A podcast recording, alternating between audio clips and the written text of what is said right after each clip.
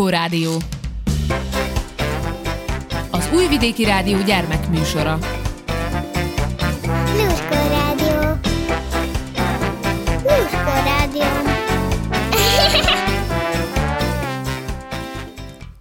Köszöntelek benneteket, kedves hallgatóim, kicsik és kicsit nagyobbak. A nevem Hajdúsára. Március 27-e pedig a Színház világnapja.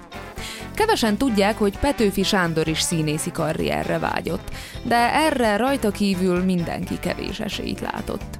Ő azonban néhányszor megpróbált színészé lenni. A most következő történet is erről szól. Ennyi.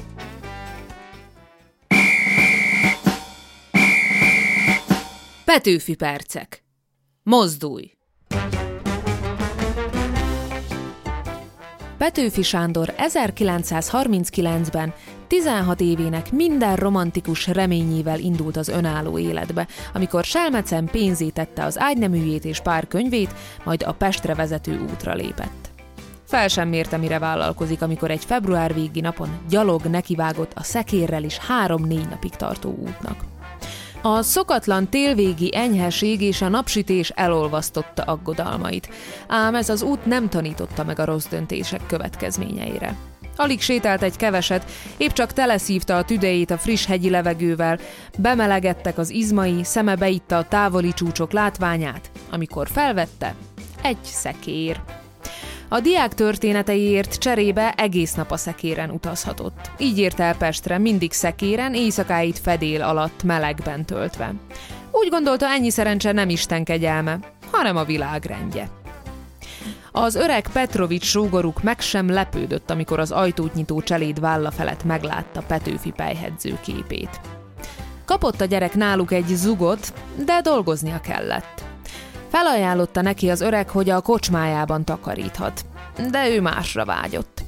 Amióta eljött a Pesti Evangélikus Gimnáziumból, egy hatalmas, gyönyörű kőszínház épült fel Petrovicséktól két sarokra. Kőszínház! A világ végre helyre zökkent. Ott volt, ahol lenni akart, és senki sem akadályozta meg, hogy megvalósítsa az álmait. Épp csak betöltötte a 16. évét. Már másnap kimosakodott, bekönyörögte a fehér ingét a mosásba, azt meg sem várta, hogy megszáradjon, nyírkos ingben sietett a színházba jelentkezni. Az igazgatóig el sem jutott. A színpadmester elé. Nem fogta fel a világot maga körött, nem érzett szagokat, nem hallott hangokat, csak a feladatra figyelt. Tekintetes uram, én színésznek szeretnék jelentkezni. Kihúzta magát, mint iskolai felelet közben. Az ember rápillantott, de egyből visszatért a tekintete az előtte heverő kolbászra. Egy szempillantás elég volt neki felmérni a fizikumát. Középmagas, vékony dongájú inas gyerek, fahéj színű bőrén pattanások és ügyetlen borotválkozás nyomai. Fogsorának vonalát szétzilált a két kiugró szemfoga, ruhája rendezett, tartása merev. Egyedül a villogó tekintete nem volt átlagos. Egyáltalán nem volt színpadra való. A színpadmester teli szájjal rágás közben válaszolt. Mm, fiam, ide a legkiválóbb, tapasztalt vándorszínészeket vesszük csak fel. Annyira meglepődött, hogy mozdulni is elfelejtett. Erre az eshetőségre nem számított. Az agya is kiürült. Ott állt tovább, pisszenés és szavak nélkül. A színpadmester mordult egyet. Van szállásod? Bólintott. Kosztod? Erre ingatta a fejét. A férfi megvakarta a fejét a kis ujjával, vigyázva, hogy ne kenje össze a haját kolbász zsíros ujjaival. Na, díszletesre és kifutó fiúra mindig szükség van itt. Körbenézett, meglátott egy tébláboló alakot, és feléje kiáltott. Jani, gyere ide! Vidd ezt a gyereket és mutasd körbe. Ő lesz az új kifutó fiú. Tovább nem foglalkozott vele, a nevét is Jani kérdezte meg először. Ettől a naptól kezdve cipelte a pamlagokat és székeket a színpadra és vissza. Kikészítette a kellékeket, kiszaladt a közeli kocsmába tormás kolbászért és borért a színészeknek. De leginkább csak bámult. A színfalak mögött megtalálta a legjobb helyet, ahonnan belátta az egész színpadot. Igaz, hogy csak a színészek hátát nézhette, de az arcukat maga elé képzelte. így nézte végig a repertoárt. 53 előadást látott. Még az operákat és balettműveket is végignézte a színpad iránti elhivatottságból. Minden gondolatát kitöltötte a vágyakozás. De nem a szépséges hivatal Anikóban gyönyörködött, hanem a férjében, az ünnepelt, hős szerelmes Lendvai Mártonban. Petőfi látta magát a színpad közepén, ahogy egyszer majd ő is kimagaslik, széles vállain feszül a kapitányi jelmez. Lendvai szabályos arcából kiviláglott tökéletes fogsora, és a női zsigereket összecsomózó baritonja betöltötte az egész nézőteret. A 16 éves Petőfi esténként, ahogy ment haza, a kihalt utcákon ő is kieresztette a maga tenorját. Eljátszotta a legfontosabb jeleneteket, fejből fújta a szövegeket.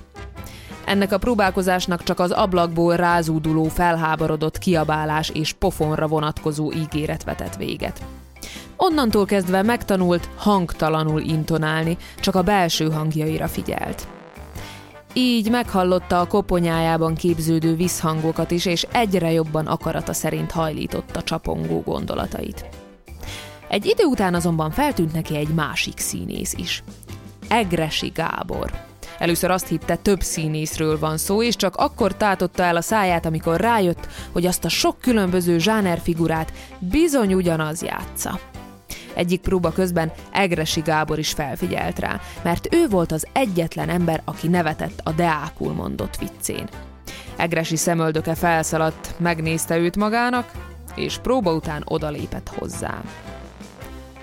Te tudsz latinul, és közben színész akarsz lenni. Izgalmában nem értette pontosan Petőfi a kérdést. De hát maga is tud latinul és színész. A férfi végignézett rajta. Egyből felmérte az alkotát, a hangját, kiálló szemfogait, és bólintott egyet. Ide hallgass! A színész, aki olyan, mint te, az zsáner szerepeket játszik. Erre önkéntelenül elhúzta a száját. Egresi felnevetett. Ugyan már! Semmi érdekes sincs a hős szerelmesekben. Az mind ugyanolyan. Játsz egyszerű embert. Az mind különleges. A csodálkozását látva magyarázatba fogott. Nem látod bennük a különlegeset, mi? Hát figyeld meg őket. A jó színész nagyon tud figyelni. Ez felkeltette Petőfi érdeklődését. Feszülten hallgatta Egresit. Minden apró részletet meg kell figyelni egy emberen.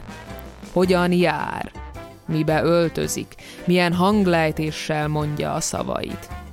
Aprólékosan megjegyzed a gesztusait, a mimikáját, érted? Hogy majd te is tud utánozni. Petőfi fejében, mintha fákját gyújtottak volna. Egresi folytatta a leckét. Az érzelmeire is figyelsz. Megfigyeled magadat is, amikor mérges vagy, amikor örülsz, csodálkozol, ideges vagy. Tükörbe nézel, lesed az arcodat, figyeled a gondolataidat. Aztán másokat is megfigyelsz. Verekednek a közeledben? Oda mész és lesed a mozdulataikat, a szavaikat, a lendületüket. Aztán otthon elpróbálod. Akkor jó, ha érzed magadban ugyanazt a dühöt, az ölni akarást, érted?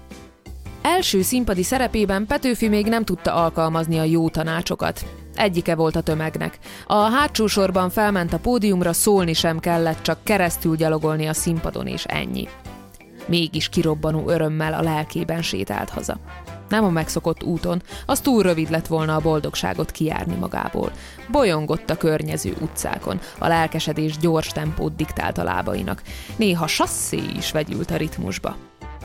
Másnap reggel meglepődve vette észre, hogy kialudta öröme nagy részét. Alig tudta magában felidézni azt a hatalmas boldogságot, amit előző este érzett. A színház felé menet az egyik kis utcában azonban újabb boldogság várta. 14 pengő forint. Ott hevert a földön a nedves szalmán. Felkapta, megtapogatta. Igaz volt. Zsebre tette, és azzal a jóleső meggyőződéssel lépett tovább, hogy ez az isteni jel is azt mutatja, jó úton jár. Zenebona!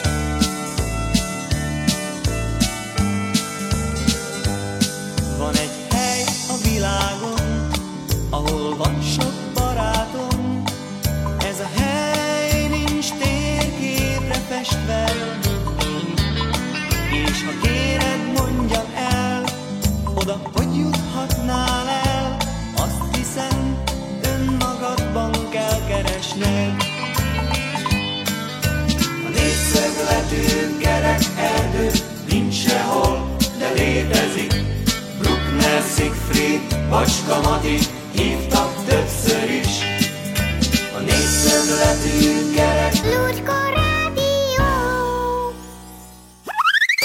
Süsümese.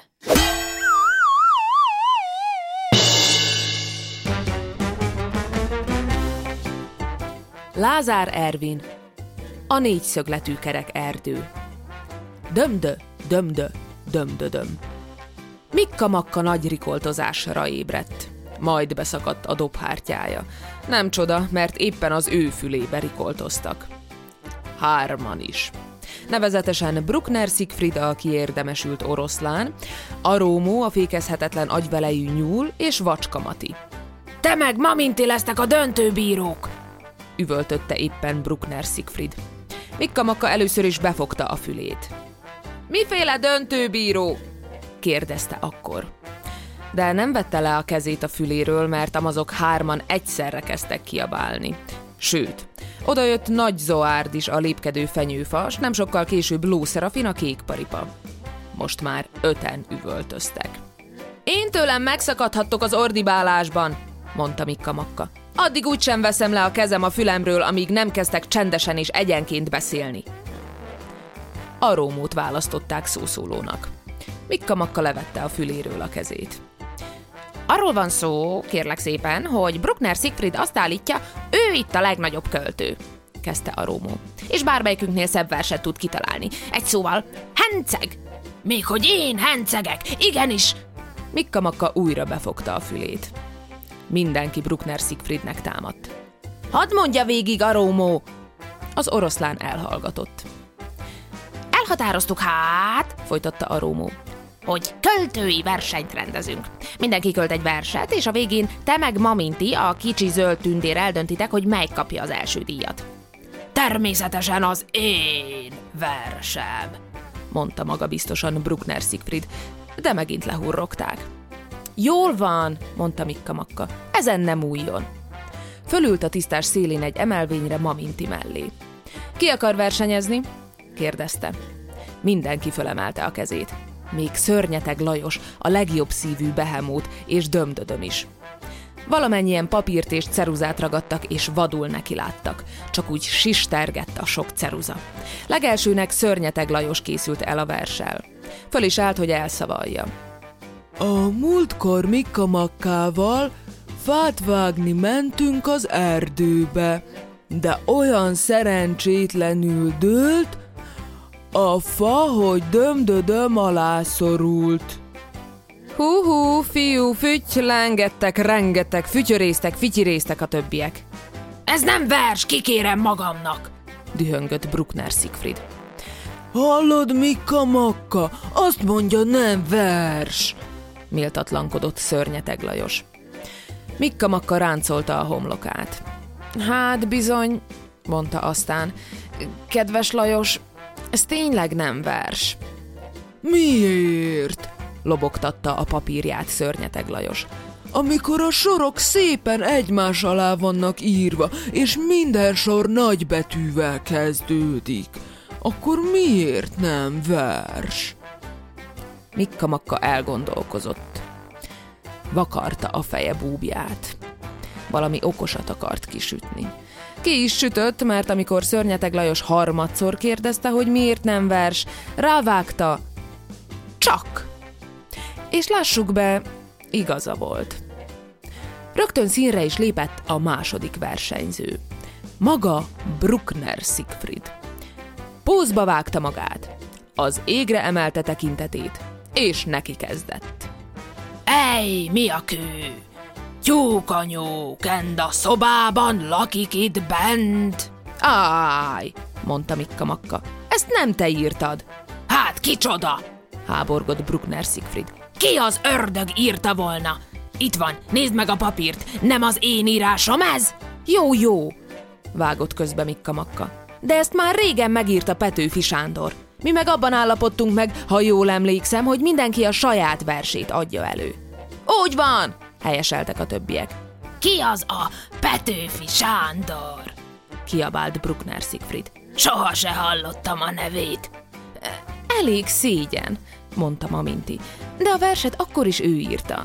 Légy szíves saját költeményt előadni. Na jó, mondta Bruckner Siegfried. Tudok én mást is. Ide süssetek. Púz! Arc az ég felé. Neki kezdett. Ej, kend, tyúkanyú, mi a kő? Itt bent lakik a szobában. Ó, oh, hadonászott Arómó. Ugyanazt mondtad kitekerve, és ráadásul rím sincs benne. Rímnek kell benne lenni? kérdezte Bruckner Siegfried Mikka makkát. Hát nem árt, mondta az. De ne az anyám tyúkját mondjad, akárhogy forgatod, úgyis ráismerünk. Na jó, mondta újra Bruckner Siegfried. Akkor nem az anyám tyúkját mondom. Elkezdte. Apám tyúkja. Írta Bruckner Siegfried. Ej, tyúk apó, mi a kő? Itt bent lakik a szobában, Kend. Megölni, lelőni, szétvágni, elzavarni, kirúgni, szétfűrészelni, dühöngtek a többiek. Így nem lehet szavalni, háborgott Bruckner Siegfried.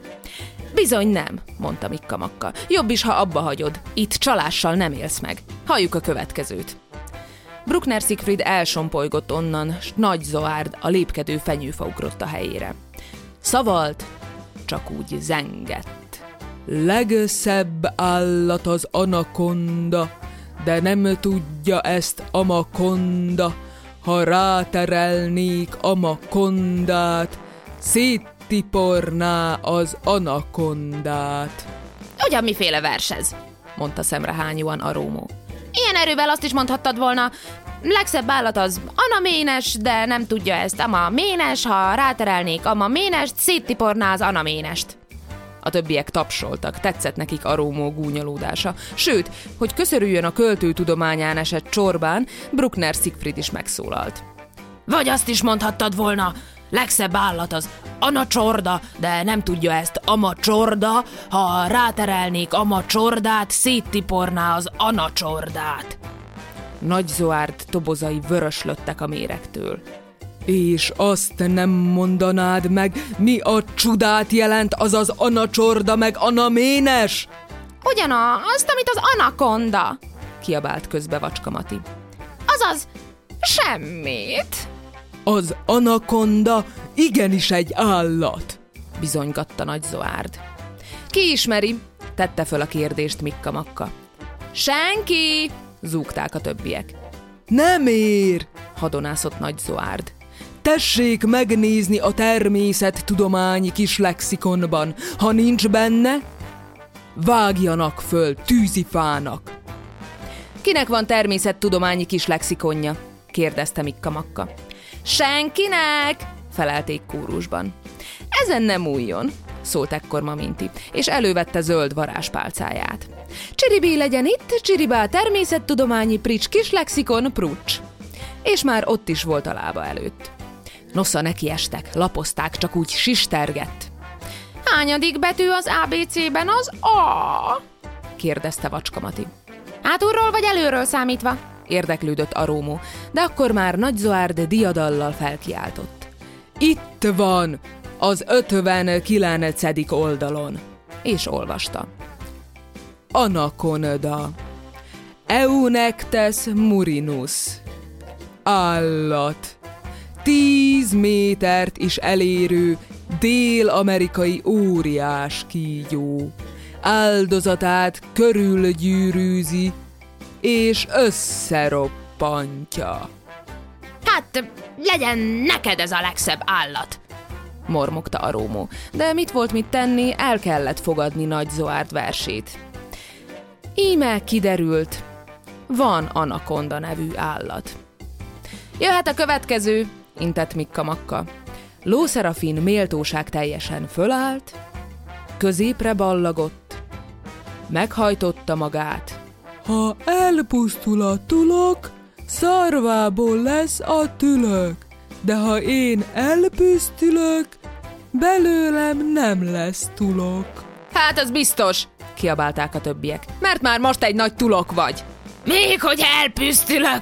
vihogott Bruckner Siegfried. Elpüsztülök a rühögéstől! Csend legyen! kiáltott Mikka Makka. Ki következik? Én. mondta Vacska Mati. Egy egészen rövid verset írtam. Halljuk. Szerda ablakában csütörtök ül, és ordít csütörtökül. Egy darabig csend volt. Aztán Szörnyeteg Lajos megkérdezte. Miért csütörtökül ordít? Mert csütörtök, mondta Vacska Mati. Ha péntek, péntekül ordítana. Idegen nyelveket nem tud. Akadékoskodott Bruckner Siegfried. Nem, mondta Vacska Mati. Ez egy műveletlen csütörtök. Mikka Makka megrázta az elnöki csengőt. Elég, mondta. Halljuk Arómót. Arómó fölényes mosolyjal sétált a tisztás közepére. Rázendített. Bálomböki bagufan, bálombökö bigafón. Nem ér! Ordított közbe Bruckner Siegfried. Egy hangot se értek belőle. Arról nem volt szó, hogy hottentottául is lehet verset írni. Eszed tokja hottentotta, háborgott Arómó. Ez igenis magyarul van. Akkor én megeszem a fülem. mondta Bruckner Siegfried. Már meg is sózhatod. felelte Arómó. Hadd mondja végig, próbált rendet teremteni Mikka Makka. Arómó újra belefogott. Bálom böki bagufan, bálom bökö bigafún, bólám bákö bögifan, balumbaká bögöfin, bilambóka bág öfön, bölimbakó bag áfön, bölömbika búg a fán. Ez semmi, mondta Lószerafin. így egy gyerek is tud verset csinálni, ha ugyanez egyáltalán vers. Igenis vers, jelentette ki Mikka Makka, akinek úgy látszik tetszett ez a bálomböki.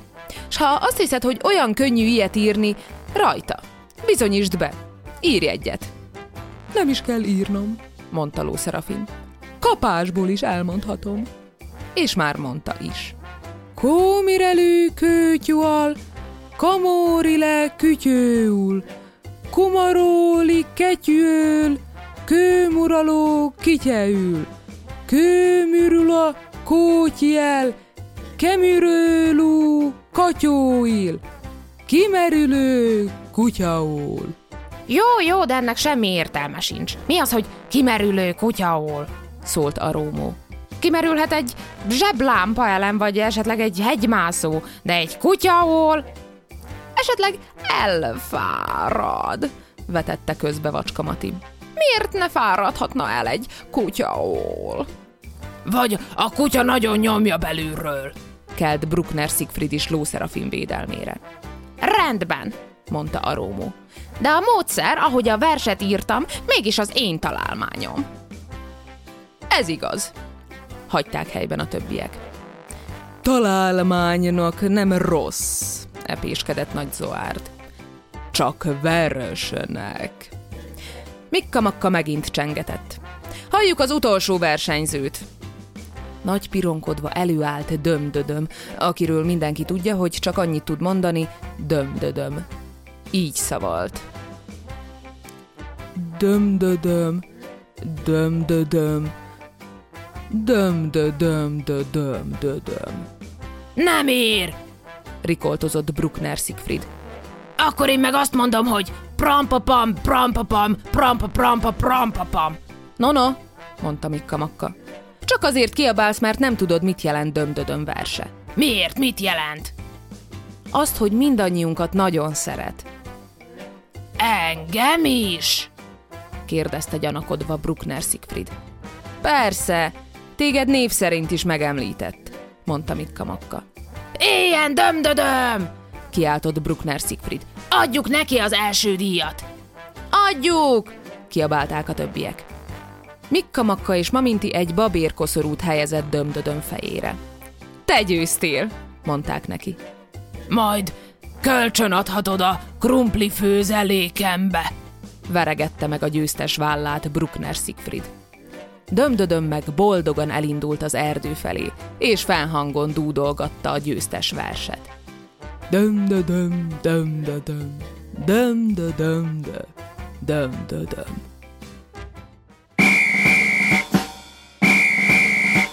Petőfi percek. Mozdulj! Petőfi Sándor. Első szerepem. Színészé lettem. Megkapám az első szerepet, és a színpadon először is nevetnem kelletett. Én a szerepemben jó ízűn s szívemből neveték. Pályámon, ó, úgy is tudom, leánd ok sírni még. Lucska Rádió! Vicckupac! Mit játszanak ma este a színházban, Jean? A harmadik Richardot, uram. Akkor itthon maradunk. Nem láttam az első kettőt. A művészbejárónál egy fiatalember várja a fiatal színésznőt. Amikor meglátja, felkiált. Művésznő! Hiszen a szerelemben első látásra. Nem, feleli a színésznő. Jó, akkor visszajövök holnap este. Egy fiatal színész mellékszerepet kap egy darabban. Büszkén újságolja a menyasszonyának, és egyben meghívja az előadásra. Utána kíváncsian kérdi. Na, milyen voltam? Mm, nem tudom, mert amikor a szövegedet mondtad, épp tüsszentett a szomszédom. Jean, hozza a horgászbotomat, és mehetünk a színházba. Talán ott akar horgászni, uram. Nem ön mondta, hogy a hattyúk tavára megyünk? Ez a jegy a tegnapi előadásra szólt, mondja a jegyszedő a bejáratnál a lihegve érkező házaspárnak. Mire a férj?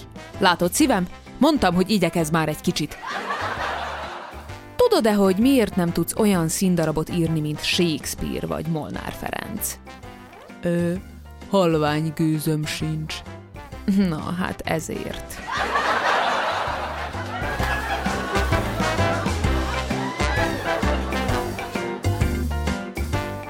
Eddig tartott a Lurkó Rádió mai adása. Búcsúzik tőletek hajdúsára. Örülök, hogy velem tartottatok. Találkozunk egy hét múlva. Sziasztok!